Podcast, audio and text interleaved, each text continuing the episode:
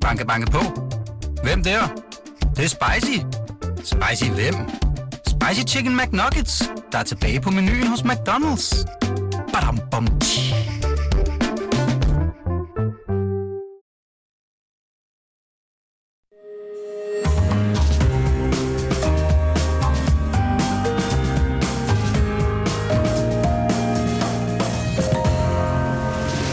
Du lytter til Cordua og Steno.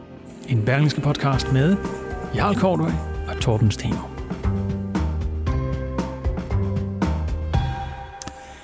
så er der gang i den øh, valgkamp, som allerede føles meget, meget lang. Øh, måske fordi den har været i gang næsten i flere måneder, uden at være officielt udskrevet. Men nu er det jo altså så øh, i virkeligheden også valgkamp. Og i gårsdagens partilederdebat, der vil jeg så sige, der fremstod øh, lederen af det nye parti, Moderaterne, tidligere statsminister Lars Løkke, faktisk er ret øh, stærkt. Og ikke mindst fordi, øh, eller når det drejer sig om vores skræntende sundhedsvæsen. Men det er faktisk ikke Lars Løkke alene, der har formuleret partiets øh, sundhedspolitik. Og øh, derfor så har vi øh, senere i den her time besøg af Monika Rubin, der er læge og folketingskandidat for Moderaterne, og har været med til at skrive det sundhedsudspil, som øh, det parti går til valg på. Og jeg skal også sige, der er altså en grund til, at der ikke er nogen af de øh, Christiansborg-politikerne med i det her program, fordi de har simpelthen så travlt med alt muligt andet end at komme herind, blandt andet også med åbningsdebat i Folketinget. Men velkommen, mit navn er Torben Steno. Ja, og jeg hedder Jakob Kvist, og jeg er så heldig at være vikar for Jakob Cordua i dag, fordi han er i USA.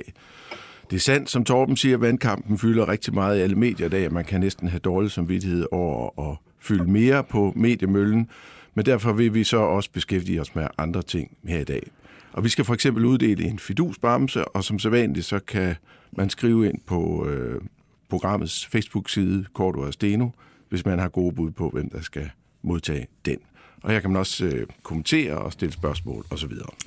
Men vi lægger ud med noget, der er befriende langt væk fra det kommende folketingsvalg. Vi skal tale om atomkrig. Og øh, det er jo et, øh, hvad skal man sige, et emne, som øh, vi har alle sammen har rykket lidt tættere på, fordi gennem de sidste mange måneder, der har øh, Putin jo truet med øh, atomvåben indtil flere gange og på flere forskellige måder. Og øh, det vi skal snakke om nu, det er, sådan, hvad sker der, hvis han faktisk gør alvor af at bruge dem? Og hvordan vil for eksempel andre atommagter som USA og Kina og Indien øh, reagere på det? Det skal vi tale om med seniorforsker ved DIS Dansk Institut for Internationale Studier og atom krigs, eller i hvert fald jeg vil være atomsprængningsekspert, øh, Rens van Mønster, og velkommen her i Pilestræde. Øh, jeg skal lige, vil du lige sige dit navn igen, for jeg kan ikke høre, om du er med. Nu, nu starter jeg i hvert fald på at stille dig et spørgsmål, fordi det er Putins seneste trussel. Den kom i forbindelse med mobiliseringen her for lidt over en uge siden. Og altså, vi kan jo kun gætte, hvad det er, han har i tankerne, men vi har os, der er gamle nok til at opleve den kolde krig, vi kender det såkaldte dommedagsur, hvor man siger, okay, altså hvor mange sekunder er vi visom på, at øh, verden går under. Øh, og øh, der har viseren altså så her på det sidste, i løbet af de sidste øh, par uger her, flyttet sig. Hvor meget tættere er vi på sådan et, et, et ragnarok? Ja, altså faktisk er det spændende, at dommedag ikke har rykket sig. Så den, øh, den blev rykket for nogle år siden til 100 sekunder i 12, som er det tætteste på, på, på dommedagen, vi, vi nogensinde har været. Men den er ikke blevet flyttet her under Ukraine-krigen. Og det er også noget, der er, over, der, der er lidt overraskende, synes jeg, fordi med de her trusler og den her retorik, der er kommet fra Putin, og, øhm, og trusler som måske at anvende atomvåben i Ukraine, um, er vi selvfølgelig kommet måske lidt tættere på, måske ikke på atomkrig, men i hvert fald på at se, at atomvåben bliver brugt, og der i hvert fald blev troet med. Ja, der, altså når man snakker, og, i hvert fald traditionelt har snakket om atomvåben, ikke, så siger man, at man, øh, en atomkrig kan ikke vindes, og det er det gode ved det, øh, fordi det virker så afskrækkende, og på den måde ingen starter det. Men der har russerne, og det havde de jo også under den kolde krig, en lidt anden tankegang. Og øh, det er jo det der, når vi nu hører om brugen af taktiske atomvåben. Og øh, altså, Putin han har 2.000 taktiske atomvåben til rådighed. Hvad, hvad kan et taktisk øh, atomvåben, et af de 2.000, det kan vel godt alligevel trods alt lave en temmelig voldsom destruktion? Ikke? Ja, altså når man taler om taktiske atomvåben, så skal man huske, at man ikke taler om små bomber. Um, og taktiske atomvåben, de kan gå helt op til som, omkring måske 70 kiloton. Og til sammenligning var Hiroshima-bomben var, var 15 kiloton og slå 100.000 mennesker ihjel. Så det er ikke nogen små bomber. Det er bomber. fem gange større. Det kan ja. være fem gange større. Det kan også være noget mindre, men at tale om taktiske atomvåben, det er sådan et ret vidt begreb. Men altså, det er jo også et, et, et våben, må man formode, som kun bliver taget i brug i yderste desperation, fordi man rammer sig selv, man rammer sine egne, man gør, laver en nuklear krigszone, som er svær at agere i, osv. Ja, ja, det der adskiller taktiske atomvåben fra strategiske. At, at taktiske atomvåben er det, man, øh, man gerne vil bruge på slagmarken, hvis det er. Hvorimod de strategiske, strategiske de står rettet mod, mod byerne, og dem skal man kun bruge til afskrækkelse. Og taktiske våben vil man så eventuelt kunne anvendes i, øh, på slagmarken, men som også har først og fremmest en afskrækkelse-effekt. Um, øh, de simpelthen skal forhindre modstanderen fra at angribe dig, fordi du vil, du måske vil anvende Men hvad er du selv bekymret for her? Um, jeg er generelt bekymret for atomvåben og deres eksistens, fordi um, selvom der måske er en ret lav risiko for, at atomvåben bliver brugt, så vil det på lang sigt være en stor risiko, fordi det er sådan noget sandsynlighedsregning vil sige. Ja. Det, øh, ja. um, og der er chance for, at tingene går galt, at der bliver lavet fejl, og så videre. Der kan være misforståelser. Og man vil også, at atomkrig vil øh, påvirke mennesket og miljø uh, over meget lang tid. Uh, man har for eksempel talt om, at selv en begrænset atomkrig mellem Indien og Pakistan vil kunne skabe globale klimaeffekter, som vil påvirke hele, hele kloden. Um, og en atomkrig, som vi talte om under den kolde krig mellem USA og Sovjetunionen, det vil simpelthen kunne gøre livet for mennesket umuligt her på kloden. Så, så der er generelt bekymring for, for, for atomvåben. Men du siger, nu nævnte du det der, en, en begrænset atomkrig mellem Pakistan og Indien. Vil, vil det have været, hvis nu sagde, at jamen, de, har jo, altså, de har jo begge to våben, ikke? Altså, så, øh, hva, hva, hva, altså, og så siger du, det vil have en indflydelse på det globale, på klimaet. Hmm. Hvilken? Um, fordi det vil skabe så meget støv i uh, atmosfæren, at solen ikke kan komme uh, ned, så det vil skabe kø- køleeffekter. Nå, det var jo skønt. Nu vi har uh, global opvarmning, så kunne vi jo så måske forhindre det med et par atompumper. Det er i hvert fald det, det Elon Musk har sagt, vi skal gøre med Mars, at man skal nuke på. Men hvad, altså, ja, hvad, hvad hedder det? Kan, nu, nu skælder man så hårdt mellem taktiske og strategiske våben, men, men kan man tillade sig det i det øjeblik, at, at Putin måtte smide et, et taktisk atomvåben i Ukraine, så har han jo åbnet festen. Kan man så, så vil, forventer vi et modsvar fra amerikanerne, et eller andet. Det kan være, det bliver et konventionelt modsvar, men det bliver et regulært så er de to lande i krig. Og så kan man jo også ende med at trykke på den, øh, den strategiske knap mm. og sigte efter København eller Washington. Ja, så der er mange, der er mange ting i det her. Og den, det første er, at vi allerede er kommet lidt i en ny situation, for vi har altid tænkt på atomvåben som et forsvarsvåben. Øh, mm. som man aldrig skulle bruge. Så paradokset ved atomvåben er, at vi masseproducerer dem med det eneste formål om aldrig at bruge dem. Uh, det var til afskrækkelse.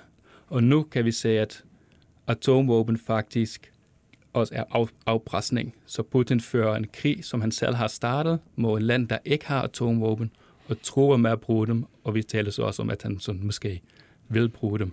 Så allerede her kan vi se, at, at atomvåben muliggør en krig, Uh, og så er det, som du siger, når det sker, så, så opstår der en helt ny situation. Ja. Hvis vi så tager fat i, så siger at nu, nu øh, kunne han så presse nok. Altså, det er jo, det er jo en mærkelig øh, ting, den her krig, fordi man siger, at Ukraine må ikke tabe, fordi det er det vigtige for hele øh, den vestlige verden, at, øh, at de ikke gør det. Det vil sige, hvis de, de må ikke tabe den, men hvad vil det så sige at vinde den? Ja, det vil sige, og det har jeg, så, har jeg så forstået, at der er almindelig international konsensus om, at det, man definerer en sejr på, det er, at man, øh, at russerne øh, er fortrængt fra alt, inklusive Krim. Men det, hvis man så forestiller sig, jeg har så svært ved at forestille sig, at Putin så siger, okay, tak for kampen, den tabte Rusland. Så det er jo netop det, der ville kunne presse ham, og det er jo også en del af det med den her annektering af de her øh, områder, at det er som at sige, når nu er de russiske, og hvis der er nogen, der truer russisk territorium, så kan, jeg, så kan det legitimere at bruge atomvåben. Det er hans doktrin, ikke? Ja, det russiske doktrin er, at man kun anvender atomvåben, når uh, Ruslands eksistens står på spil. Og det vil det så måske ikke kunne gøres, eller kunne, kunne siges, det gør, når man uh, har annekteret de her territorier. Um, s, um, men hvis, hvis han så gør det, så kan man så sige, okay, han kan jo ikke, altså, hvad, hvad, hvad kan man bruge? Altså, man kan jo ikke bruge Ukraine, hvis han begyndte, at, altså, eller hvordan? Altså, Atomvåben er et dumt våben. Det ødelægger alt uh, rundt, om, uh, rundt, om, rundt omkring sig, og det vil helt klart gøre uh, området ubeboeligt i, i, i lang tid, uh, og ødelægge al kritisk infrastruktur. Man vil kunne ikke hjælpe de mennesker, der, der bliver ramt af atomvåben for, på grund af radioaktivitet. Så på den måde er det et meget uanvendeligt våben og det, det er stadigvæk ment som afskrækkelse. Men kunne man så ikke også sige, at så er det også mere oplagt for Putin at bruge det uden for det Rusland, han selv har defineret til nu også at omfatte de fire regioner. Ja. Så er det jo mere oplagt, at han ikke ødelægger øh, øh, Donbass, men ødelægger Ukraine eller Stockholm. Um, jeg tror ikke, han vil ødelægge Stockholm, fordi det vil være en voldsom eskalering. Eller Kiev, ja, mente det, jeg også, da jeg sagde Ukraine. Jeg mener Kiev. ja. Altså, ikke kunne han jo, altså, eller Kiev, eller, eller, dyb, eller tættere på den ja. polske grænse, tror, jeg, for så vidt. Jeg tror ikke, han vil angribe en by, fordi så er vi der, hvor vi taler om strategisk brug af atomvåben. Så okay. det er tænkt, tiltænkt slagmarken. Men det, man måske godt kunne forestille sig, at han vil lave magtdemonstration og, og lave en prøvesprængning, for eksempel tæt på den ukrainske grænse ja. for at vise, at jeg er villig til at bruge de her våben, og jeg er villig til at eskalere det her konflikt til at få min politiske vilje. Ja. Ja, Rens, Rens van Møn, altså nu, nu nævner du selv prøvesprængninger. Altså det har vi jo øh, haft virkelig mange af igennem de, altså siden Hiroshima og Nagasaki. Der har været lavet mange prøvespræng. Og jeg har da også tit tænkt, tænkt hvad, hvad er konsekvenserne af det? Har det? Der, hvor man har gjort det, øh, hvordan ser der ud der? Um, Altså prøvesprængning er lidt uh, et forkert ord, fordi når man, laver, når man har med atomvåben at gøre, så er en test ikke bare en test. Det påvirker mennesker og miljø. Og man har sprunget i atmosfæren, hvad der svarer til 29.000 Hiroshima-størrelse bomber under den kolde krig. Og ja, så det er nogle, nogle, nogle, nogle kæmpe tal, og man hører meget lidt. Har man gjort det her på jorden? Jamen, det hvordan gjort, kan det være, at vi sidder her nu, så hvis man har fyret 29.000 Hiroshima-bomber af under, hvad skal vi sige, kontrollerede former, men altså... For, er det, det er altså... Ja, altså man har valgt nogle steder, hvor uh, langt væk fra befolkning, uh, store om, områder, hvor der er uh, store befolkninger. Så man har gjort i Stille, Stillehavsområdet, eller Australien, eller i Nevada-ørken. Så man prøver at gøre det nogle områder, som er langt væk fra... Og har gjort det under jorden, eller over jorden? Um, indtil 63, så laver man overjordiske prøvesprængninger. Um, og så blev man enige om, at det var en dårlig idé. Og så fortsatte man med underjordiske. Um, og nu er det med, først og fremmest simulationer, man laver. Der, der findes ikke rigtig prøvesprængninger sted længere. Men du siger så, at han kunne for at demonstrere, altså rykke et, tæt, et skridt tættere hen, så kunne man lave en prøvesprængning tæt på Ukraine. Altså det kunne være en idé. Det, der hedder semipalatinsk, er det ikke det der, hvor, de har, hvor russerne har lavet, jeg ved ikke, hvor mange prøvesprængninger, det, men det er helt over i Kazakhstan? Eller det er Kazakhstan, og det er et område på størrelse med Belgien. Okay. Faktisk. Og øhm, Um, jeg arbejder faktisk sammen med en, der har lavet meget færdigt arbejde der, og det er så det eneste område, som ikke er afgrænset, så man kan bare gå ind på det, og folk går faktisk på den og, og laver på den. Og, og har, har så også alle mulige sygdomme på grund af den radioaktivitet, der stadigvæk er der.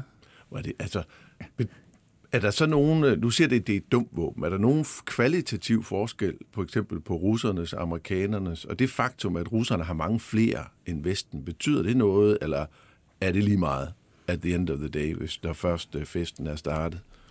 Altså, russerne har flere taktiske atomvåben, Men faktisk øh, har amerikanerne og russerne, de ejer til sammen 90 procent af de strategi, altså af atomvåben. Det er nogenlunde lige fordelt. Og hvis de bliver brugt, så er det, Så er det slut. Så er det slut. Jamen, ja. Rens van Mønster, der er et spørgsmål fra en lytter, der hedder Ronald Frej, og øh, han er tysker, og han skriver, nu har øh, Frankrig også A-våben. Er det med i kalkulation med hensyn til Putins mulige brug af taktiske A-våben?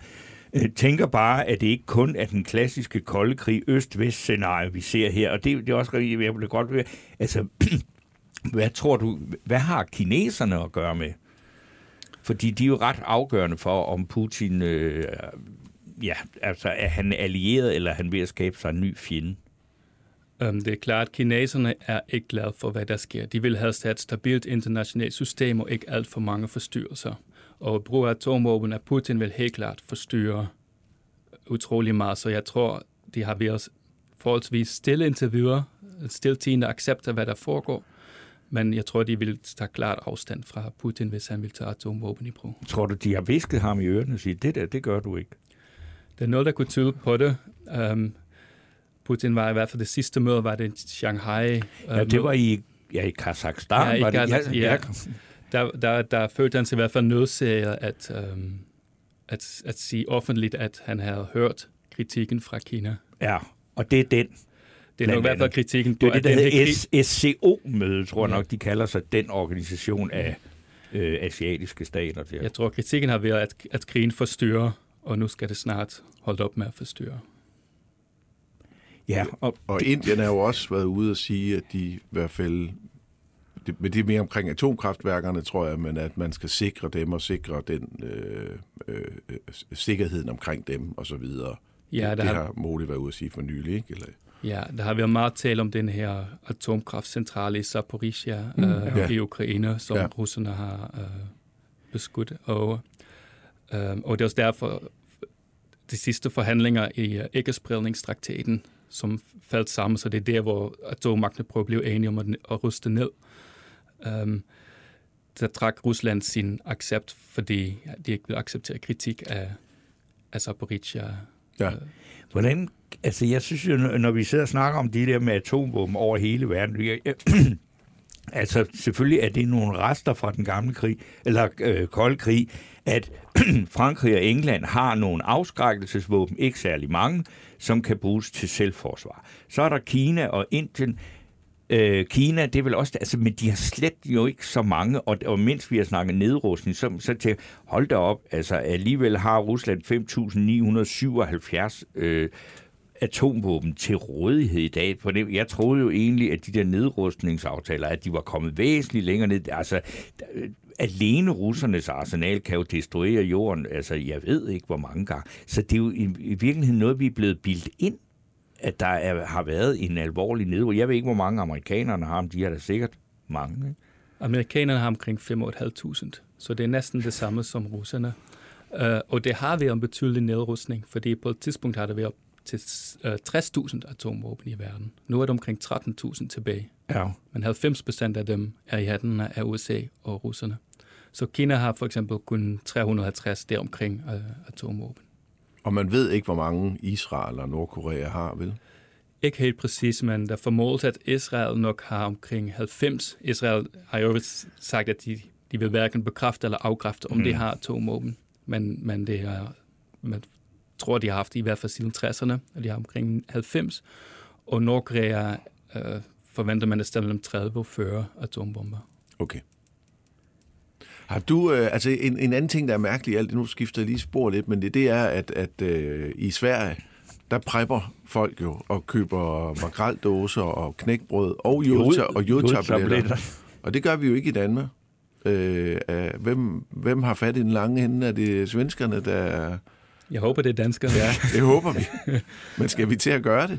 Skal vi købe, har du købt jodtabletter til familien? Uh, nej, det har jeg ikke. Uh, og man kan lige så godt lade være med at købe dem i halsebutikken, for det er ikke den slags øh, uh, jodtabletter, man skal have fat i. Og man kan heller ikke tage den præventivt. Så det er noget, der heller ikke at begynde at indtage dem allerede nu. Og så virker det mod en bestemt form for radioaktiv stråling, som er meget kraftigt, men som også ret hurtigt aftager. Så det er meget afhængigt af værsforholdene, og hvor bomben bliver droppet, og hvor stor den er, om det kan blive en fare potentielt for Danmark. Og det tror jeg ikke er umiddelbart forestående. Mm. Okay. Rens van Mønster, tak fordi at du øh, kom her og talte om atomvåben. Tak.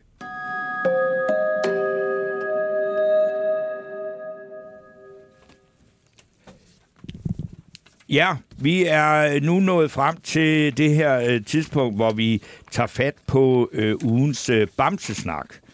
Og øh, de trofaste lyttere, de vil jo vide, hvad en bamsesnak er. Men det er jo det, hvor vi gennemgår stort og småt fra den hjemlige politiske øh, scene, for at finde ud af, om der er en oplagt modtager af ugens øh, fidusbams. Og øh, det er jo altså sådan, at den øh, hjemlige politiske scene lige nu, den er jo et stort tivoli af valgkamp.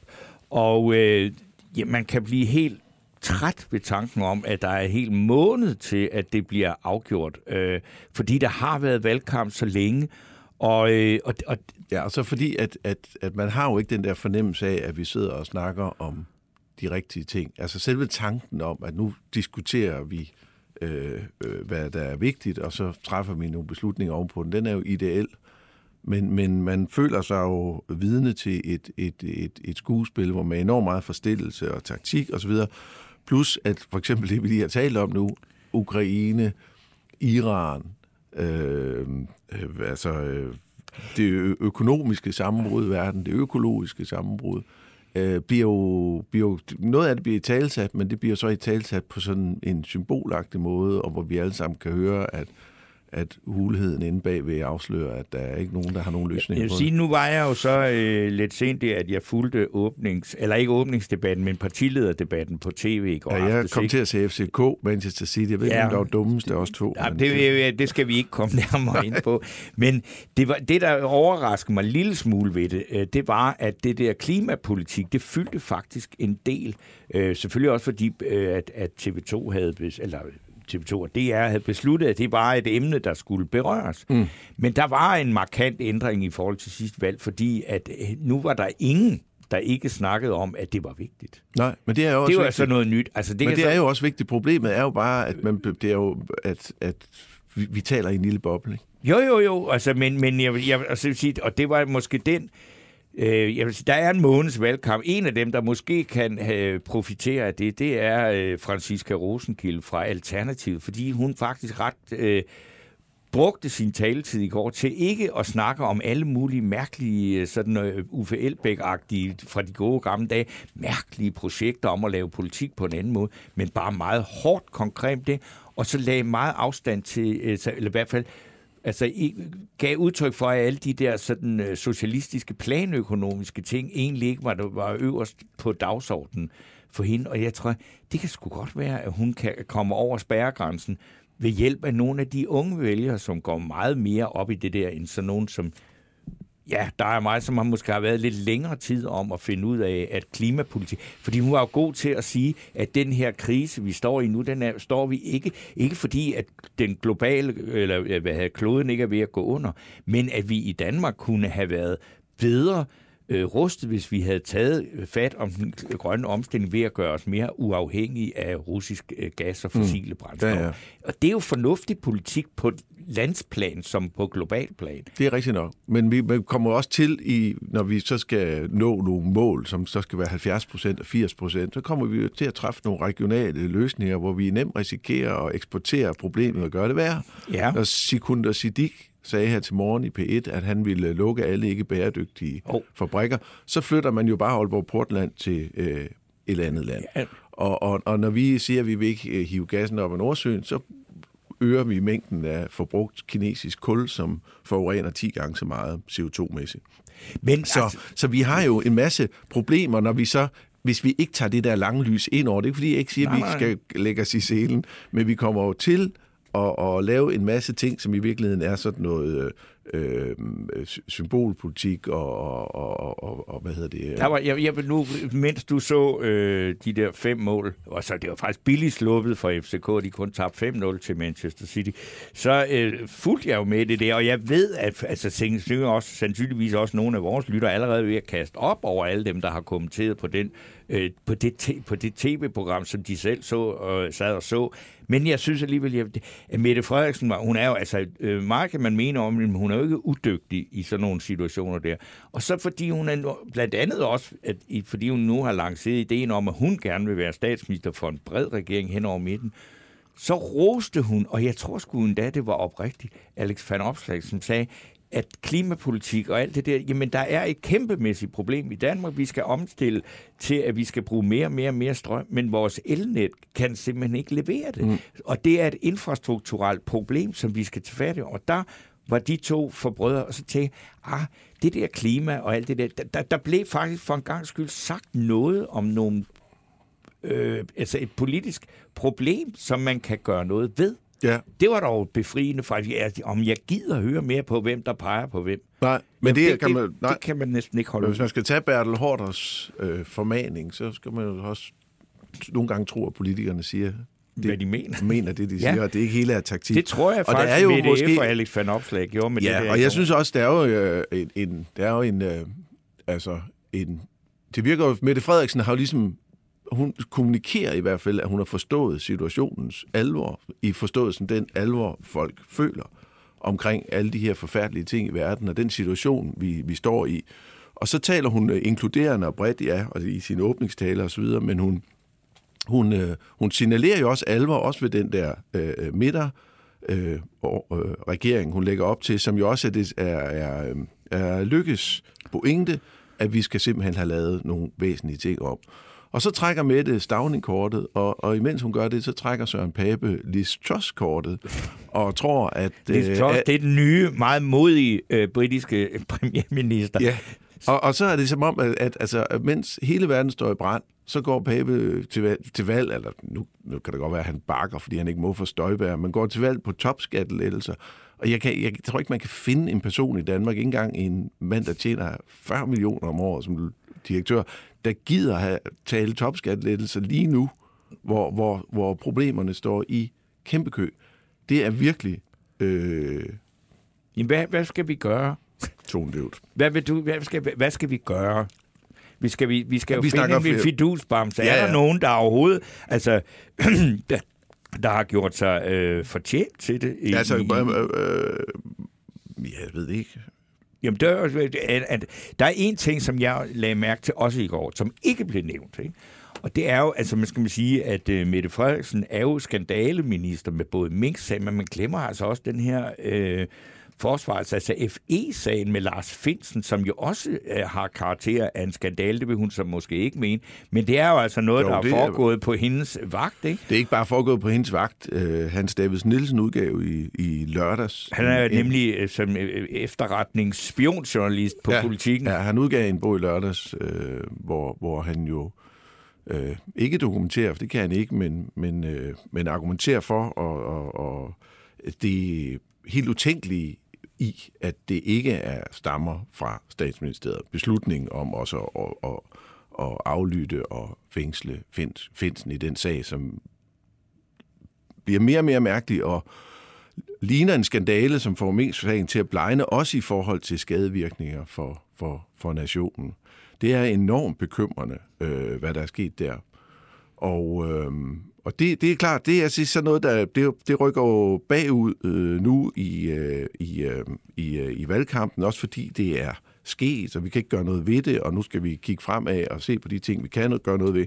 Men jeg synes, at Hans Davids Nielsen fortjener måske en kandidatur til en fidus bamse, fordi han øh, har kastet sig ud i at skrive en hurtig bog om noget, som er meget vigtigt, og fordi han har haft øh, mod til at stå frem og sige også, at han selv er involveret i sagen, fordi han er en af de to journalister, der er nævnt i... som øh, Finsen er sigtet for at have ja. talt for meget med.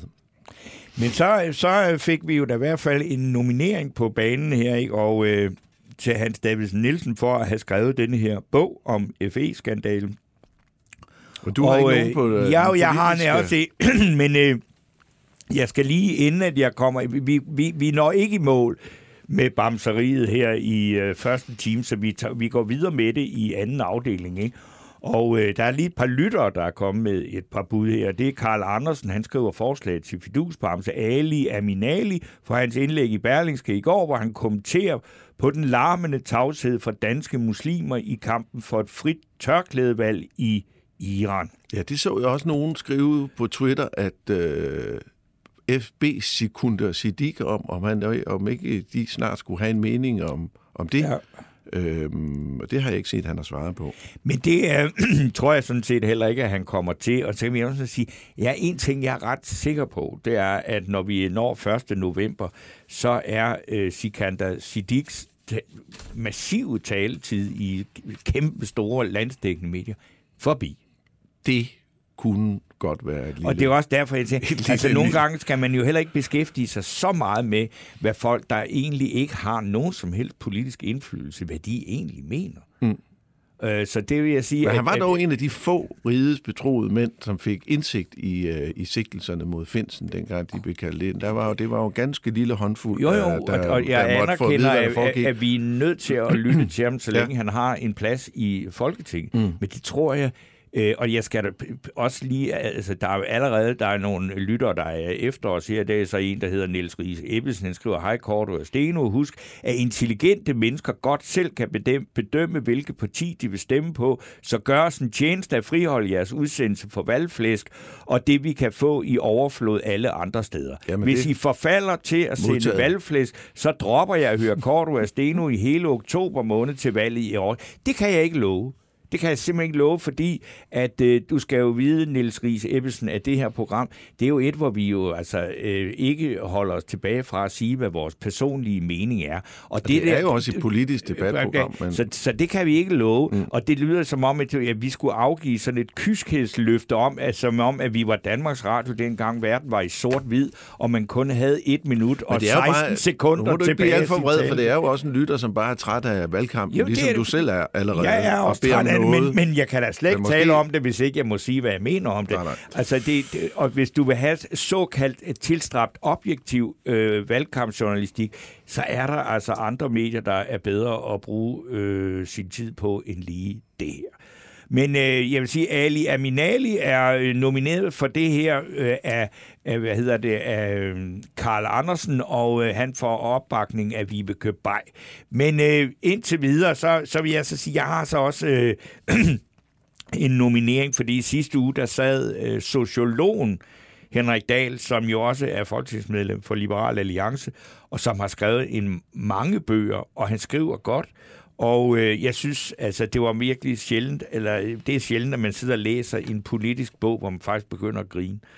Og øh, der er nogle vidunderlige beskrivelser af, hvordan tingene foregår på øh, Christiansborg. Og man kan sagtens læse Henrik Dahls bog, uden at man føler, at, at nu læser man et kampskrift for hans genvalg og hans parti. Det er en sjov analyse af, hvordan øh, det danske demokrati har udviklet sig. Og det, jeg også godt kan lide ved ham, det er, at han tillader sig at stille spørgsmålstegn ved to af de ukrænkelige danske værdier, som også blev nævnt i partilederdebatten i går, som om, altså det kan ikke være anderledes. Det er den danske model, og det brede forlig hen over midten øh, at det er simpelthen ukrænkelige værdier. Og det var lidt sjovt, fordi at samtidig med det stod klart i den der debat i går, så var det også, at, øh, at så blev der alligevel åbnet op for, at man kunne øh, i hvert fald skal vi sige, øh, udfordre, sådan siger de jo, øh, den danske model ved at sige, at man godt begynder at snakke om, hvilke faggrupper, der skal have mere i løn. Mm. Men det vil længere Støjberg ikke være med til. Det synes jeg faktisk var Nå. lidt interessant. Jeg har aldrig forstået den danske model rigtigt, når det kom til det offentlige. Det er sådan et underligt mummespil, som jo, hvor det offentlige er både er... Det er jo politikerne, der er arbejdsgiver, og så lader de... Der er nogle andre, der forhandler, og så når det går i, ned, så laver man et indgreb. Og det var lærerkonflikten var jo i, under Thorning Schmidt var jo et, et mønster eksempel på det, hvor man for, forhandlede på skrømt. Det kom jo klart frem, at man havde gjort. Og så lavede man det indgreb, fordi man skulle have en reform igennem, og man skulle give lærerne en på nakken. Og stadigvæk taler man om den danske model som noget heldigt. Men den, altså, det er jo en illusion. Det er ikke en illusion ude på, øh, på, på, øh, i, i slagterierne. Nej. Men nødvendigvis, men det er det jo i den offentlige sektor. Men det er bare, jeg, det er derfor, jeg, jeg har altså øh, øh, følt mig godt underholdt, klogere, og, og, og morer mig lidt over Henrik Dahls bog, fordi der er også en lille satiriker i ham. Øh, og derfor, jeg vil gerne ind, indstille øh, Henrik Dahl til... Han er også en, efter FN's verdensmål, ikke? og det er jo også meget Jo, sjovt, det- for det er man alle jo også enige om. Når Ja. alle er enige om noget, så skal man jo passe lidt på. Ja, og det er, han, han skriver altså sådan kort komprimeret sagt, at alle, der i, øh, beskæftiger sig med øh, implementering og, øh, af FN's verdensmål i, ansat i den offentlige sektor, skal øjeblikkeligt fyres. Altså, det kan jeg sgu egentlig godt være enig i, fordi hvad, hvad i alverden er meningen? Altså, det er, jo, det, er jo, det er jo en måde at arbejde politisk på, som man gjorde i DDR, altså hvor, hvor systemet er, altså simpelthen får besked om at fremme politiske mål. Øh, og det er der åbenbart bred enighed om i Danmark. Det synes jeg er mærkeligt.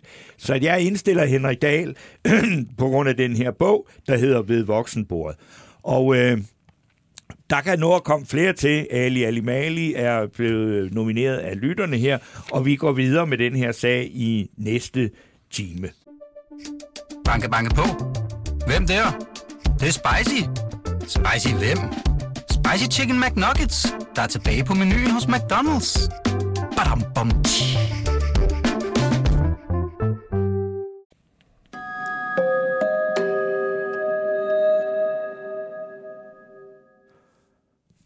Så skal vi byde velkommen til dagens første, nej, dagens anden gæst er det. der. Ja, det er det. er noget sludder.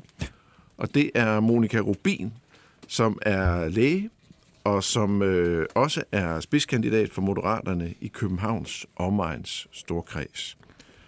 Velkommen til. Jo, tak. Øh, og så står du bag partiets sundhedsudspil, og det er jo øh, meget sjovt, fordi Lykke, han er jo sådan en, som folk sidder på alle værtshusene og siger, meget kan man sige om ham, men øh, kraftpakken, den har han lavet, den har han enhændigt skruet sammen, og han kan systemet og sådan noget. Mm. Så, øh, så man forbinder jo øh, øh, øh, Lykke meget med, med sundhedspolitik, faktisk. Men det er dig, der står bag, og øh, blandt selvfølgelig... andet. Ja, blandt andet, ja. Men, øh, og vi kunne godt tænke os at høre, øh, også fordi du er, øh, som læge er det, man kalder fagperson i systemet, øh, hvad vi dog skal stille op med vores stakkels nødlidende sundhedsvæsen. Man kan både tænke sig til, at I havde 90 mandater, men man kan også tænke sig til, at I fik en central placering i en kommende regering, eller omkring en kommende regering, og skulle ville prioritere det her hmm. hårdt. Hmm. Hvad skal vi så gøre? Jamen altså, vi skal jo nok gøre to ting. Vi skal have nogle langsigtede løsninger, og så skal vi have nogle akutte løsningsforslag her og nu. Fordi vi står i et nødlidende sundhedsvæsen lige nu. Ja. Altså, vi har jo nogle ventelister, der er eksploderet fuldstændig. Øh, Så et er, at vi har et bud på en sundhedsreform, men vi bliver også nødt til at gøre noget akut. Men så lad os komme med, øh, vi skal have fat i de bud, I har på, hvad man skal gøre, og ikke hvordan problemets omfang, det ved næsten alle. Hmm. Ja. Ja, det vil jeg sige, men det ved alle faktisk ikke, for jeg synes altid, man hører, øh, øh, at nu at det her det er alvorligt, og folk med, med, med knæ må vente. Men når jeg så snakker med læger og sygeplejersker og venner bekendte, såkaldte empiri eller bodega-snak, eller hvad man kan kalde det, mm. så dør folk altså også af det, der foregår lige nu. Mm. Så har vi altså også fødsler, der går helt galt, fordi mm. at be- afdelingerne er så underbemandet.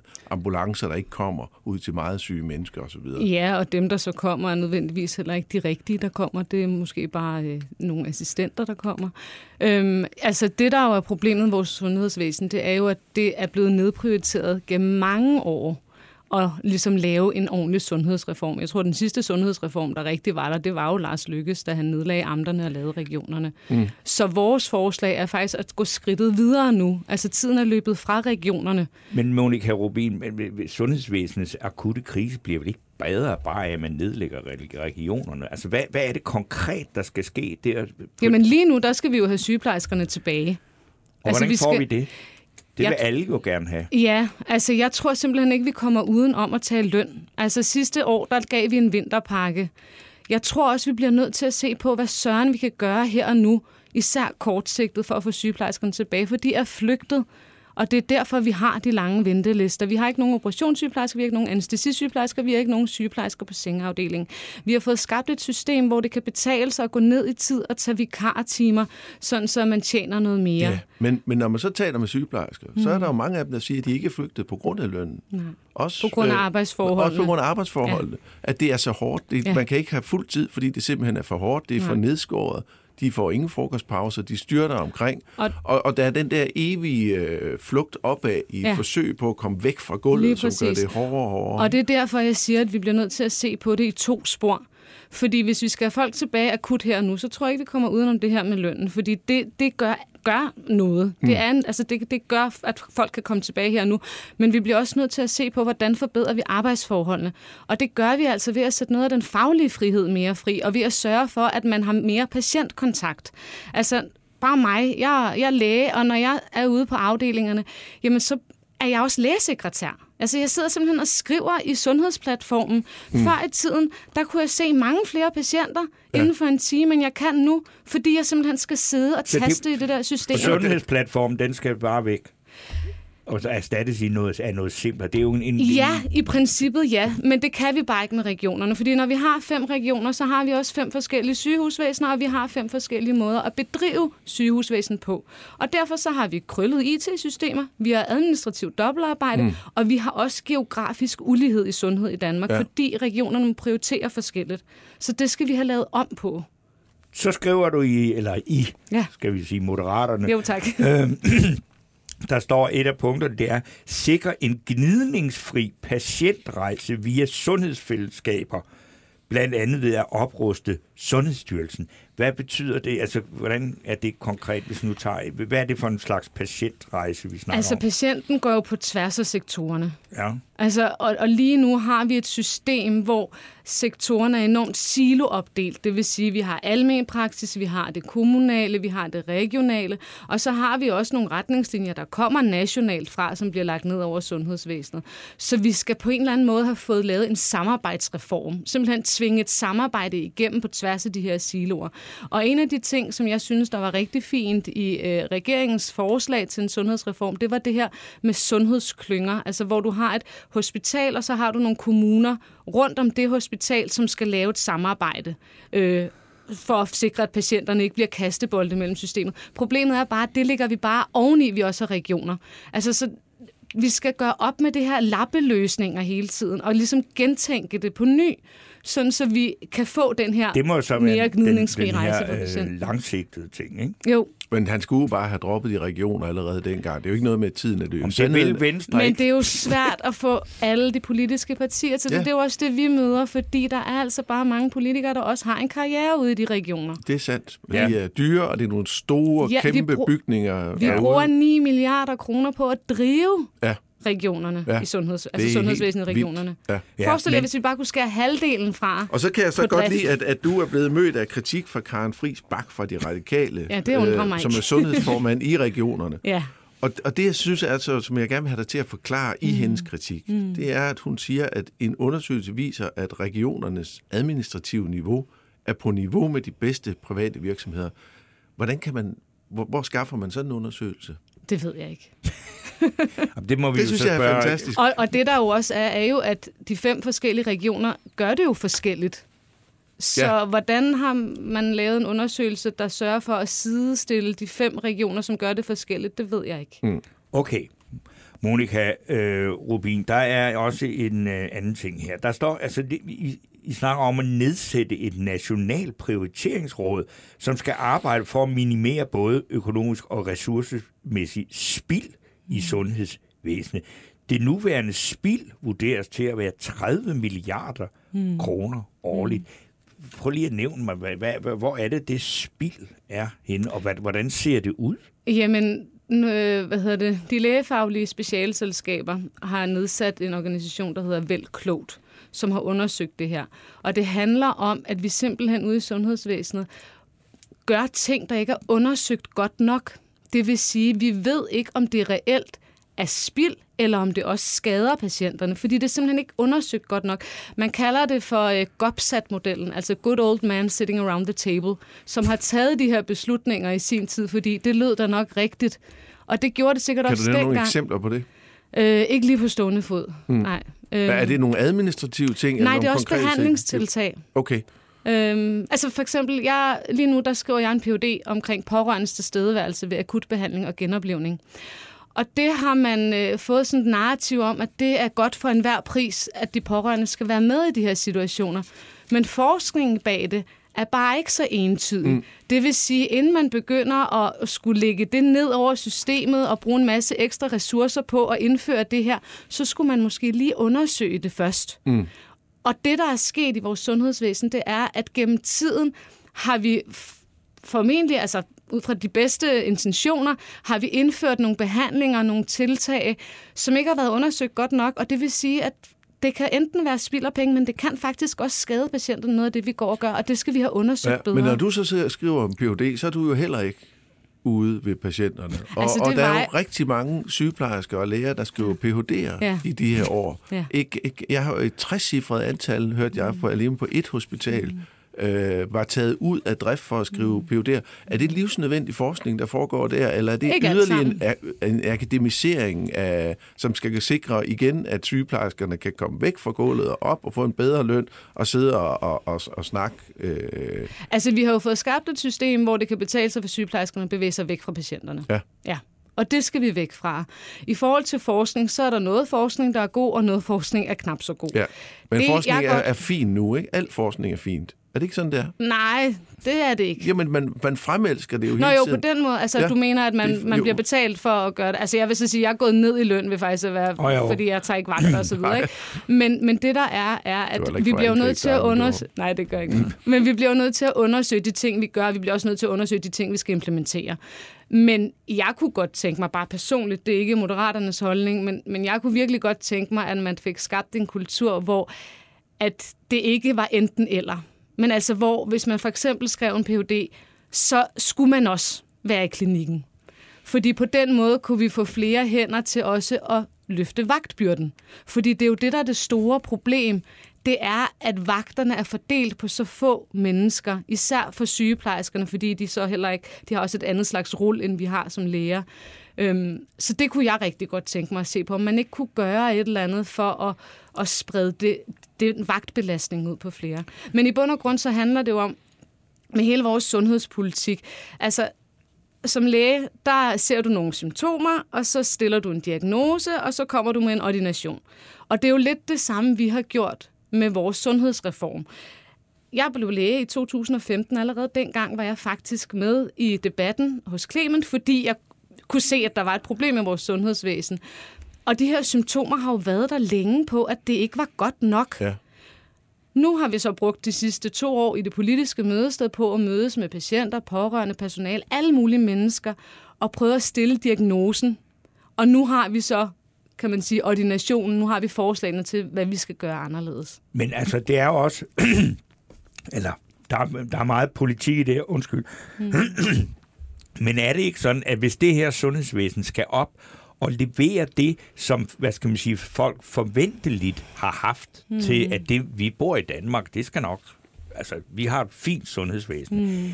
Så skal der også tilføres vanvittigt mange flere penge, fordi demografien er jo også med til at belaste sundhedsvæsenet, fordi der bliver simpelthen så mange gamle mennesker, som synes nærmest, at velfærdsstaten giver dem krav på at leve evigt. Mm. Øh, det bliver vi da også nødt til at forholde sig i, og inklusive det kan, man- kan man jo ikke lave ved, ved ved administrative forbedringer eller øh, lidt flere sygeplejersker og sådan noget. Er det ikke noget med også at forberede befolkningen på, at man kan ikke få det evige liv i velfærdsstaten? Altså. Altså, jeg tror, der skal en eller anden form for forventningsafstemning til. Øhm, for eksempel, hvis man kommer i en akutmodtagelse, og man ikke bliver tilset som det første, så er det nok, fordi man ikke er den sygeste. Altså, på den måde kunne man godt have en forventningsafstemning med befolkningen. Øh, men jeg køber ikke helt præmissen om, at vi skal begynde at sige, at der er behandlinger, vi ikke har råd til. Fordi Der er hvis vi... vi... behandlinger, som ikke giver mening. Men det er der jo reelt. Øh, det, det sker jo hele tiden. Der er jo behandlinger, vi, vi øh, øh, ikke laver, fordi at de er for dyre og for komplicerede. Ja, men vi skal ikke begynde politisk. Altså politikerne skal ikke begynde at sige, det og det gør vi, og det og det gør vi ikke. Og det er derfor, at vi har et, et øh, forslag omkring at simpelthen lave et nationalt prioriteringsinstitut, som kigger på det overordnet og på tværs. Lige nu der har vi behandlingsrådet, vi har medicinrådet, så har vi regionerne, der kan prioritere forskelligt, og så har vi også øh, enheden for øh, kliniske, nationale kliniske retningslinjer, men som regionerne ikke skal følge. Generelt er der råd i den måde, vi prioriterer på i mm. Danmark, så mm. det skal blive gennemsigtigt, og vi skal kunne gøre op med noget af det her spil. Vi skal finde ud af, hvad det. er det, vi skal undersøge nærmere for at ikke at spilde pengene. Ja. Fordi så kan vi netop bruge dem på de patienter, der jo er i vores sundhedsvæsen, Men, og som der jo kommer flere af i takt med... Monika Aage, jeg vil enormt gerne have et, øh, et, et, et godt eksempel ja. på, hvordan man prioriterer forskelligt. Altså, Jamen, og, og gør som på den måde, at... Fordi det, det, er også, det er sådan noget, Inger Støjberg ville være lykkelig for at høre ja. sige, man får helt, altså helt sikkert en dårligere behandling i Holstebro. Det tror jeg ikke nødvendigvis, du kan regne Nej, med. det tror jeg nemlig heller ikke på. Men hvad er det, hvordan er det forskelligt? Jamen, Nævn hvis man eksempler. bare kigger på det præhospitale område for eksempel. Der er i Region Hovedstaden, der har vi, er det seks akutlæger, akutlægebiler. I Region Sjælland har man en. I Region Midt, mener jeg, der har man 12. Altså, bare okay. det er jo forskelligt.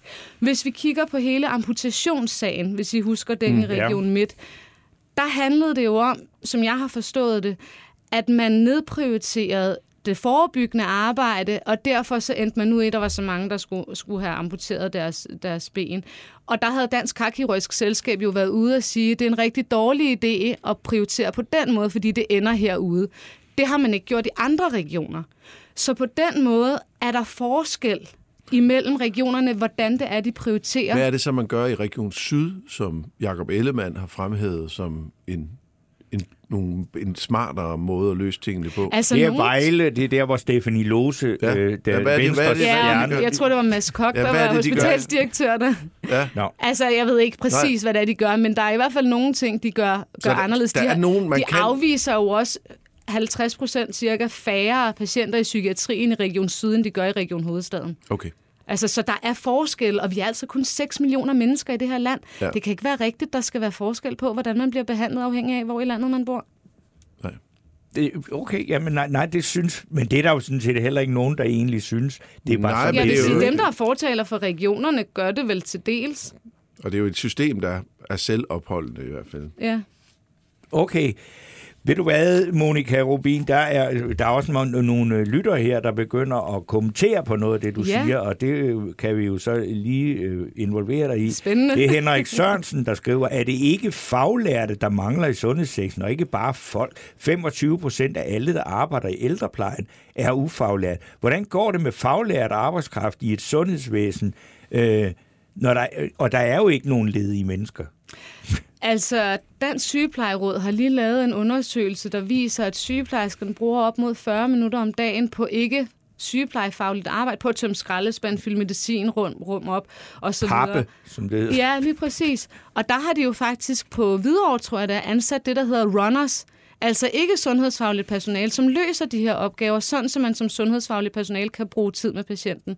Jeg talte jo også før om det her med at taste og skrive mm. som sundhedsfagligt personale. Da jeg startede som læge, der kunne jeg diktere. Når jeg havde gået stuegang, kunne jeg få lov til at diktere. Det tog mig sådan cirka måske maks 5 minutter, hvis det var en lang, en lang øh, øh, journal. Og så kunne jeg gå videre til den næste. Så, og så sad der en lægesekretær og skrev det. Men de er væk nu. Nu der skal jeg sidde og lede rundt i sundhedsplatformen. Hvor er det, jeg skal klikke? Hvor er det, jeg skal skrive? Og problemet er også, at jeg får måske heller ikke skrevet det ind det rigtige sted. Det vil sige, bagefter, når man så skal trække data ud af sundhedsplatformen, så er det måske heller ikke de rigtige data, vi faktisk trækker ud og arbejder videre med. Mm. Men når man så beslutter at fyre lægesekretærerne, mm. så er det jo dem, der beslutter, der sidder nogle administrative mennesker og beslutter... At nogle regionspolitikere. Ja, ja, men det er jo ikke dem, der sidder og fyrer konkret. Nej. Der er jo også ligesom, når man sidder der sidder også en masse chefer i Danmarks Radio mm. og beslutter, at man skal nedlægge ja. en masse øh, øh, programmer nu for at digitalisere. Men det sjove er, at de kigger jo aldrig på sig selv. De Nej. kigger jo aldrig på deres eget lag. Nej. Og hvor stort er det lag egentlig i sundhedsvæsenet? Hvor stort er det administrative djøf-lag? Som, som har lært at sidde stille, når der er krise, og holde deres mund og lade det hele gå over? Jeg tror, det er for stort. Men jeg kan ikke sige præcis, hvor stort det er. Men vi har fået skabt et system med alt for mange mellemledere også. Ja. Godt. Det ved vi, at det også gælder her. Altså, at være mellemleder, det er nok det værste, man overhovedet kan Det er en være. mellem to Det negle. er ikke noget, der giver høj prestige ved nogen middagsselskaber at sige, jeg er mellemleder. Og det hedder også altid noget bedre. Det ja, det hedder noget HR. finere. Manager. Ja. HR-konsulenter. Ja. Men Monika Process Rubin, Director. sundhedsordfører øh, ordfører, kan man jo godt kalde det, selvom I ikke har andet end en enkelt mand på tinge endnu. Ja. Øh, tusind tak, fordi du kom her er mig, og takker. fortalte om øh, jeres parti. Og du er jo et af øh, de nye partier, og øh, der er nogen, der vil sige, at er, er det fordi, at vi ikke vil have de andre partier med herinde? Men jeg skal bare lige sige, at jeg har, øh, og det gentager jeg også fra sidste uge, at vi har faktisk øh, spurgt øh, Danmarksdemokraterne, om de vil medvirke i det her program, og der har jeg fået vide fra deres øh, øverste myndighed, nemlig deres pressechef, at Danmarksdemokraterne vil aldrig medvirke i Korto og Steno før efter valget. Så Nå. derfor, det giver jo så meget mere plads til for eksempel Så Moderaterne. risikerer Vi man jo kommer også, gerne igen. Så risikerer man, at nogen skulle komme til at sige en mening og ikke en følelse i det parti. Øh, Det er det, øh, men øh, det var så i hvert fald en konkret øh, melding fra øh, Danmarksdemokrater og ikke en følelse. Men nu snupper vi en lille øh, pause, fordi at øh, det trænger vi til. Og øh, når vi er tilbage igen, så skal vi diskutere, eller så kommer Niels Vest i Brasiliens kender og taler om det brasilianske præsidentvalg. Og så skal vi også lige tale lidt om øh, Inger Støjberg, om hvornår det er sandt, og hvornår det ikke er sandt. Øh, det var det, hun øh, skriver. Det skal vi tale om med øh, professor ved RUK, Mark Ørsten, og så skal vi diskutere sprogpolitik i Københavns Kommune. Men indtil da, så, øh, ja, så lytter I til noget pausemusik.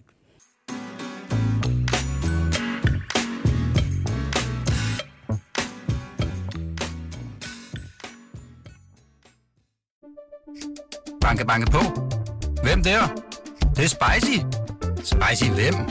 Spicy Chicken McNuggets, der er tilbage på menuen hos McDonald's. Badum, bom, tji.